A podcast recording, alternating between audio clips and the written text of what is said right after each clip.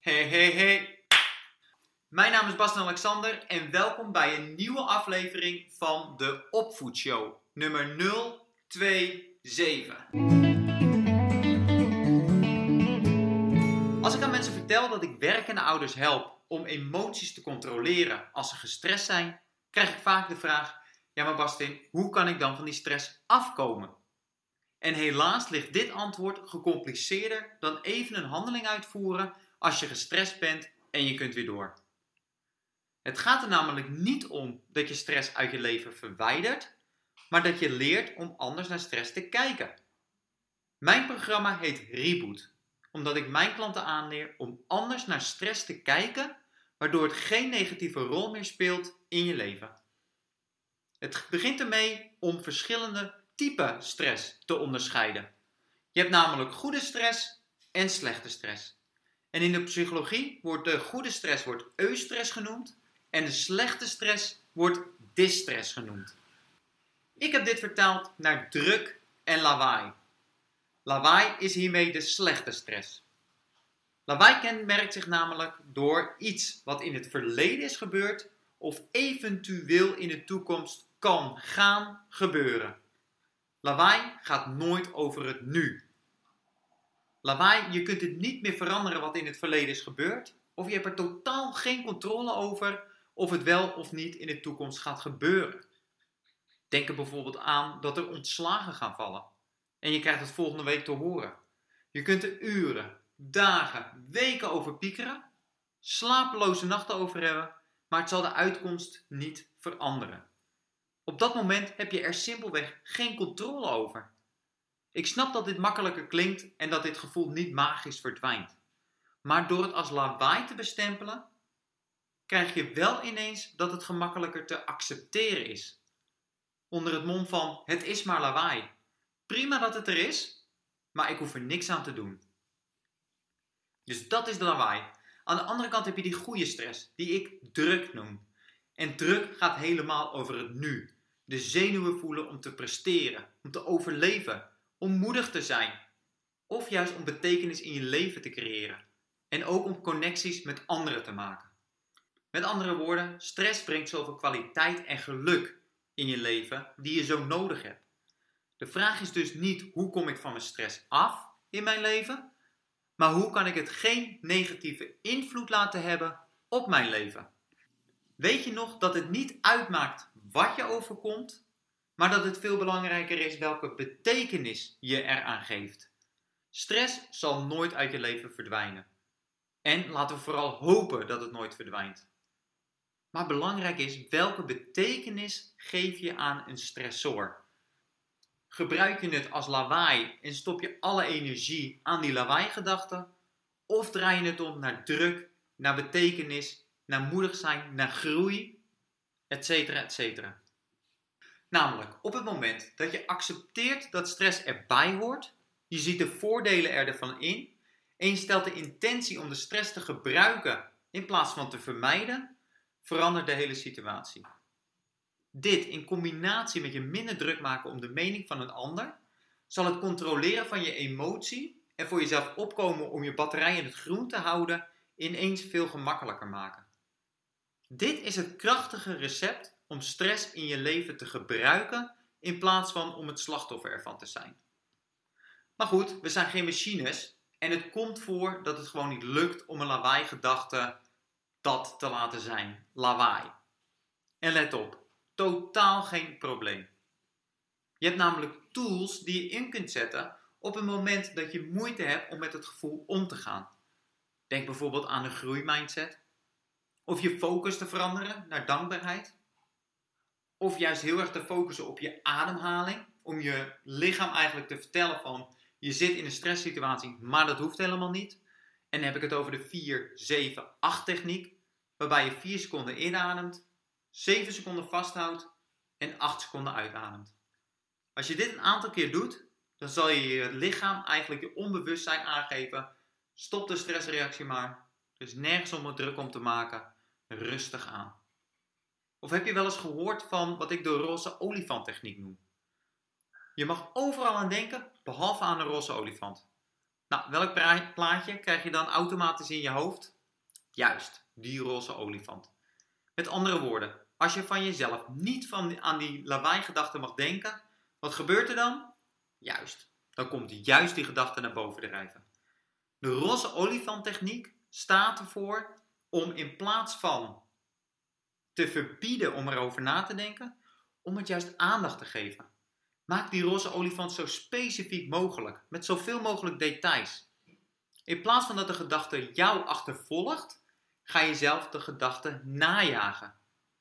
De techniek zelf is wat gecompliceerder dan dit, maar hier komt het wel op neer. En er is nog een andere techniek. Zoals gezegd zorgt druk of goede stress voor betere resultaten, betekenis in je leven, moed en zorgt voor sociale connecties. En dit laatste, daar wil ik vandaag dieper op ingaan. Hoe kun je sociale support vinden om met lawaai-gedachten om te gaan of om hulp te vinden bij het controleren van je emoties? Laten we beginnen. Wat is sociale support precies? Nou, even kort, zodat we weten dat we op dezelfde pagina zitten. De sociale support waar ik het vandaag over wil hebben, als manier om met je stress en emotie om te gaan, is puur om je ei kwijt te kunnen, om je gevoel en je emotie te delen. Het is belangrijk dat je iemand in je leven hebt waarvan je weet dat je bij diegene terecht kunt. Dat kan je partner zijn, je ouders, je vrienden, collega's of professioneel, bijvoorbeeld bij een coach. Op het moment dat je iemand hebt waar je altijd bij aan kunt kloppen voor sociale support, zorgt dit voor een betere fysieke en mentale gezondheid. Zo blijkt uit onderzoek. En vandaag de dag, we leven in een sociale maatschappij. Het is nooit makkelijker geweest om connecties te maken. Denk bijvoorbeeld aan hoe laagdrempelig het is om vrienden te worden op Facebook, of iemand te volgen op Instagram, of een connectie te maken op LinkedIn. Maar helaas zijn ook nooit meer dan ooit tevoren mensen sociaal geïsoleerd. Ze hebben misschien wel veel kennis en vrienden om zich heen om de tijd mee te besteden of online connecties te maken. Maar als je kijkt naar een diepere connectie bij wie je weet dat je altijd aan kunt kloppen voor sociale support, blijven er eigenlijk maar heel weinig over. Of misschien wel helemaal niet. En hierin is een mooie quote ook van Robin Williams: van ik dacht dat het ergste in het leven was om alleen te eindigen. Maar dat is niet zo. Het ergste is om in het leven te eindigen met mensen die maken dat je je alleen voelt. Maar helaas zijn veel mensen sociaal geïsoleerd. En komt het veel vaker voor dan dat je zou denken. En als je je hierin herkent, weet dan ook dat van de buitenkant misschien lijkt van dat je de enige bent, maar dat dit zeker niet het geval is. Sociale support is van vitaal belang voor je lichamelijke en mentale gezondheid. Daarom is het zo belangrijk om sterke, kwalitatieve relaties in je leven op te bouwen. En om kwalitatieve relaties op te bouwen heb je moed en kwetsbaarheid nodig. Het is dus niet zo dat je nu al heel veel connecties moet hebben, maar weet dat, je het ook, dat het nooit te laat is om ze te gaan op te bouwen, om actie te ondernemen, om juist die diepere connecties te maken. Nou, en als je het hebt over diepe connecties, moed en kwetsbaarheid, dan is Brené Brown een absolute autoriteit hierin. Zij maakt een onderscheid in ertussen passen en er daadwerkelijk bij te horen. Het verschil is dat je bij de eerste ertussen passen jezelf aanpast om geaccepteerd te worden door de groep en daarmee je op te stellen waarvan je denkt dat de kans het grootst is dat je geaccepteerd zal worden. Nou, hierin hoor je al dat het heel erg om die buitenkant gaat, om die externe acceptatie. Maar als je het hebt over er daadwerkelijk bij horen, dan praat je over die diepere connectie. En daarin is het juist van belang om zo sterk bij jezelf te blijven. Helemaal jezelf kunnen zijn waarin je geaccepteerd wordt in de mooie momenten en in de goede momenten, maar ook in de moeilijke momenten. Wat ik al zei, is nooit te laat om die sociale connectie aan te gaan. En hoe kun je dat nou doen? Wat zijn nou concrete stappen die je kunt doen om een diepere connectie, sociale connectie aan te gaan? De eerste is om een hele duidelijke intro te geven, waarin je aangeeft wat je van de ander verwacht. Zoals gezegd, om een sociale connectie, diepere sociale connectie te maken, is het van belang om bij jezelf te blijven. Je kwetsbaar op te stellen, maar ook om de ander te helpen en te begeleiden om jou sociale support te geven. En wat ik daarmee bedoel, is dat een hele hoop mensen heel graag de support willen geven, maar gewoon simpelweg niet goed weten hoe ze dit moeten doen. Ze kunnen jouw gedachten niet lezen waar jij op dat moment behoefte aan hebt. Jij kunt ze daarbij bij de hand nemen om aan te geven waar je op dat moment behoefte aan hebt. Heb je het bijvoorbeeld wel eens gehad dat je gewoon je ei kwijt wilde, dat je gewoon je verhaal wilde vertellen, maar dat halverwege het verhaal de ander al met drie of vier adviezen komt? En dit is ook logisch, want zo werkt het menselijk brein. Op het moment dat je een probleem voorschotelt, dan gaat het brein direct in, in oplossingen denken. Als je dus bij de ander je gevoel uitspreekt, wil de ander jou niks anders dan helpen. En dat denkt diegene te doen door met oplossingen en adviezen te komen. Maar daar zit je soms helemaal niet op te wachten. En het moet gezegd worden, het vraagt geduld en discipline om niet direct een advies te geven of een voorbeeld uit je eigen leven erbij te halen om te laten zien hoe goed je de ander wel niet begrijpt. Nou, en hier komt dus het punt dat je de ander kan helpen. Door een intro te geven wat je wil gaan vertellen en wat je van de ander hoopt te ontvangen. Bijvoorbeeld, Hey Mary, ik heb vandaag iets vervelends op mijn werk meegemaakt. Ik zou dit heel graag even met je willen delen om gewoon even mijn ei kwijt te kunnen. Voel niet te druk om met adviezen te komen. Ik wil alleen even graag gehoord worden en medeleven ontvangen. Dat is dus die eerste. Geef duidelijk aan wat je van de ander verwacht. De tweede is om helemaal op jezelf te focussen. Deel je emotie, deel hoe je je voelt en laat vooral buiten wegen hoe vervelend de ander zich heeft gedragen of hoe je een slachtoffer bent geworden van een bepaalde situatie. Pak de verantwoordelijkheid voor je emotie. Want het is een valkuil dat je je direct beter kan voelen door de schuld ergens anders neer te leggen. Zoek geen sociale support voor de bevestiging wat een eikel die ander wel niet is, hoe, of hoe jij totaal een slachtoffer bent. Begrijp me niet verkeerd, ik heb het niet over de schuldvraag. Je hoeft niet de schuld bij jezelf te leggen, maar wel de verantwoordelijkheid. Want de schuld ligt waarschijnlijk ook bij de ander. En het is vervelend als je zoiets overkomt. Maar de betekenis die je geeft aan de ervaring bepaalt welke rol het in je leven inneemt. En als jij de sociale support gebruikt om de verantwoordelijkheid te pakken, dan geef je eigenlijk de opdracht aan je brein om de volgende keer het een minder grote rol in je leven te laten spelen. Van nature ben je geneigd om de bevestiging te zoeken en je eigen gelijk te halen. Maar ik wil je echt uitdagen om deze prikkel te onderdrukken en het de kans te geven om bij je eigen emoties te blijven. En dit zal de eerste keer het moeilijkst zijn, maar daarna wordt het makkelijker. Want op het moment dat het je lukt, merk je direct welke voordelen je eruit kunt halen. En ik spreek uit eigen ervaring. Ik was namelijk de koning in de schuld buiten mezelf leggen en aangeven waar ik een slachtoffer was. Maar toen kreeg ik het advies om dit te veranderen en die verantwoordelijkheid te nemen. En zelfs de ervaringen en wat er in mijn bewustzijn komt en hoe ik dingen ervaar, is compleet veranderd. Je moet het zo zien. Alles waar je op focust, komt in je bewustzijn binnen. Heb je bijvoorbeeld wel eens gehad dat je aan het kijken bent voor een nieuwe auto en dat je er eentje op het oog hebt en dat je vervolgens die auto overal op de weg ziet? Nou, eigenlijk geldt hetzelfde voor negatieve ervaringen. Als je daar de aandacht aan geeft, dan vallen die ervaringen je ook veel meer op en wegen ze veel zwaarder.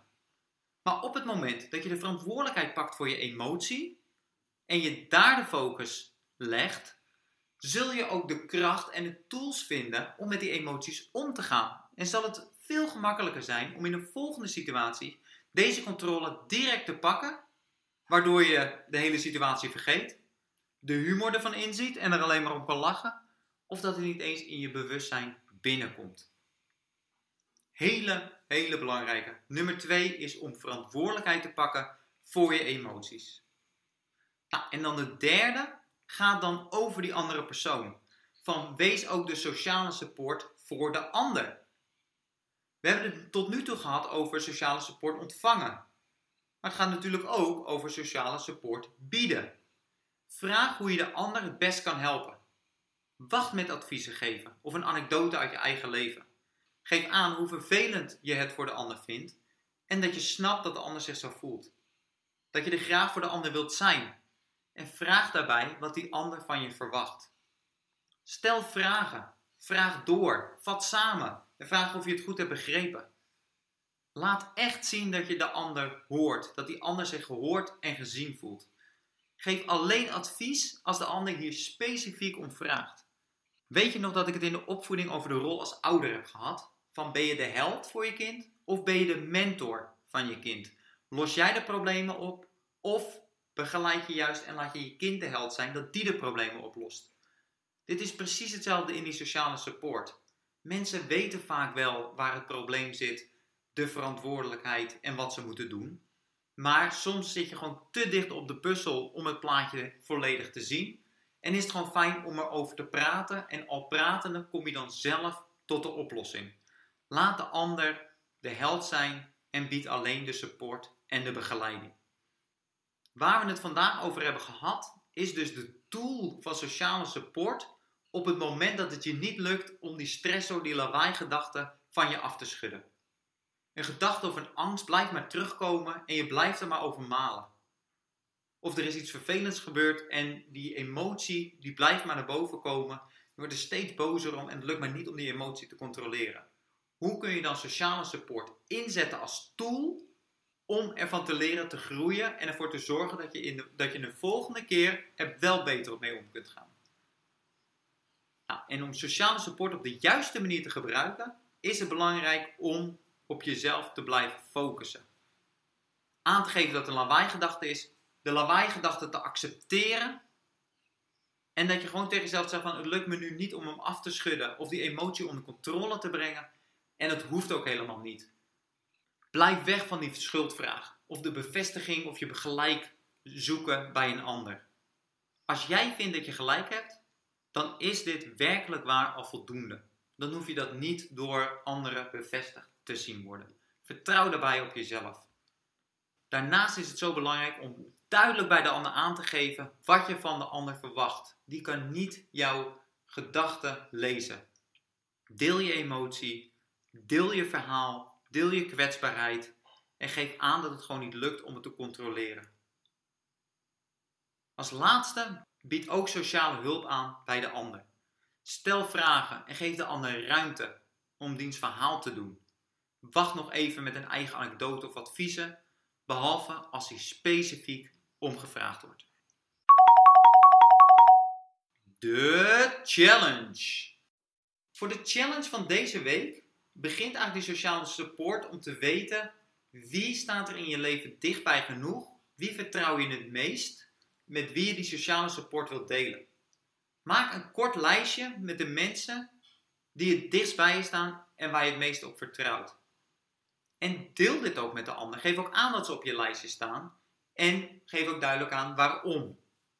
Met andere woorden, erken de ander en geef de complimenten. Deel wat voor rol ze in jouw leven spelen. En vervolgens deel een onzekerheid waar je mee loopt. Een onzekerheid of een stressor of een angst om het niet in je hoofd te laten.